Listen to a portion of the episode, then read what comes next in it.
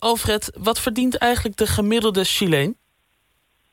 Ja, dat is een stuk minder dan in Nederland. er zijn recent weer, weer cijfers over uitgekomen. En als ik het goed onthouden heb, dan is het minimumsalaris is, is ongeveer 350 euro hier. Maar zit je op een gemiddelde salaris van ongeveer 725 euro. Dus dat is, ja, dat is een stuk minder. Is een stuk minder, maar is het ook een stuk goedkoper daar dan? Nou, dat valt me wel een beetje tegen. Ik denk dat als je, als je echt uh, in, in een dorpje uh, ergens woont... dat het nog wel redelijk te doen is. Maar uh, in de grote stad Santiago is het leven nog behoorlijk duur. Dus bijvoorbeeld in de supermarkt betaal je denk ik ongeveer anderhalf keer zoveel als in Nederland. Oh ja? Dan ja. is het heel, echt heel moeilijk je hoofd boven water houden in Chili. Ja, dus je ziet vrij vaak, hè, wat we net al zeiden... als, als mensen vrij lang thuis blijven wonen... Uh, dan heb je met, met drie, vier inkomens op één huishouden... is het nog wel uh, te overleven. Maar een, een vetpot is bepaald niet. Nee, dat kan ik me voorstellen. Ongelooflijk. Dus zijn, zijn dat vaak ook hele grote families die met elkaar wonen?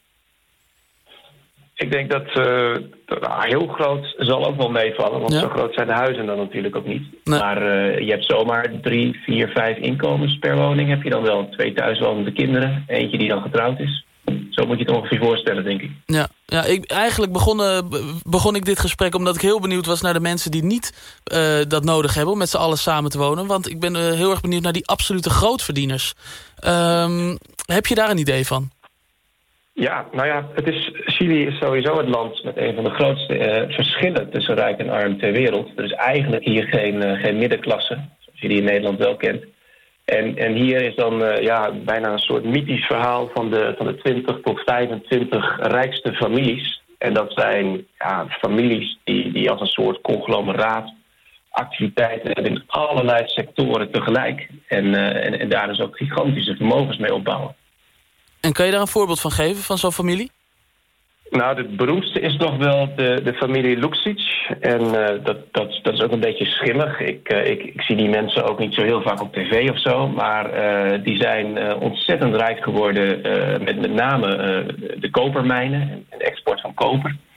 Maar die zijn bijvoorbeeld ook eigenaar van de grootste Chileense bank, Banco de Chile. Ja. Ze zijn ook nog eigenaar van CCU. Dat is de Chileense variant van wat in Nederland Heineken dan zou zijn. En uh, ze zijn ook nog de eigenaar van een grote metaalleverancier. En dan heb je totaal volgens mij over een 4,2 miljard of iets dergelijks. Ja, ja, dus dat is een ander bedrag dan die uh, 700 euro waar die uh, gemiddeld verdient dan. Um, en, en, en deze mensen hebben dus eigenlijk gewoon een, een hele markt. Zij, zij zijn de markt in Chili. Ja, en nou zit het tussen, tussen koper en een bank en bier misschien nog niet zo'n ontzettende overlap. Maar nee. uh, ja, het prachtigste voorbeeld is toch wel uh, Senko Soet. Wat een, een, grote holding is waarvan uh, Horst Paulman de eigenaar is. Een Chileen met bepaalde Duitse roots. Ja, dus zo klinkt dat wel, ja. En, ja. Ja, en, en nou ja, dat is, dat is wel, uh, uh, wel heel apart. Wat, wat als je je dat dan voorstelt, hè, als ik hier uh, naar het winkelcentrum ga, dan is dat winkelcentrum, hè, die, die stenen, dat gebouw, is eigendom van Cencosud. En daarin zit dan een, een, een warenhuis, hè, vergelijk het met, met VED, dat heet dan Paris. Mm -hmm. En dat is ook van Cencosud. En als je daar dan betaalt, dan kun je betalen met je creditcard van Cencosud, van de Banco Cencosud. En uh, als je dan beseft dat de werknemers ook nog eens uh, uh, naast hun salaris natuurlijk een pensioensuitkering krijgen, Uiteraard. die ook weer in het pensioenfonds van Cencosud zit, dan, dan kun je iets voorstellen bij hoe, hoe, vaak dezelfde perso van, van het ene bedrijf naar het andere gaat, maar eigenlijk nooit dezelfde holding uitkomt. Nee, dus, dus dan, wat ik nu hoor, zijn er mensen die hun hele leven alleen maar bij dat uh, Cencosud zitten. Die, die, die doen niks ja. anders.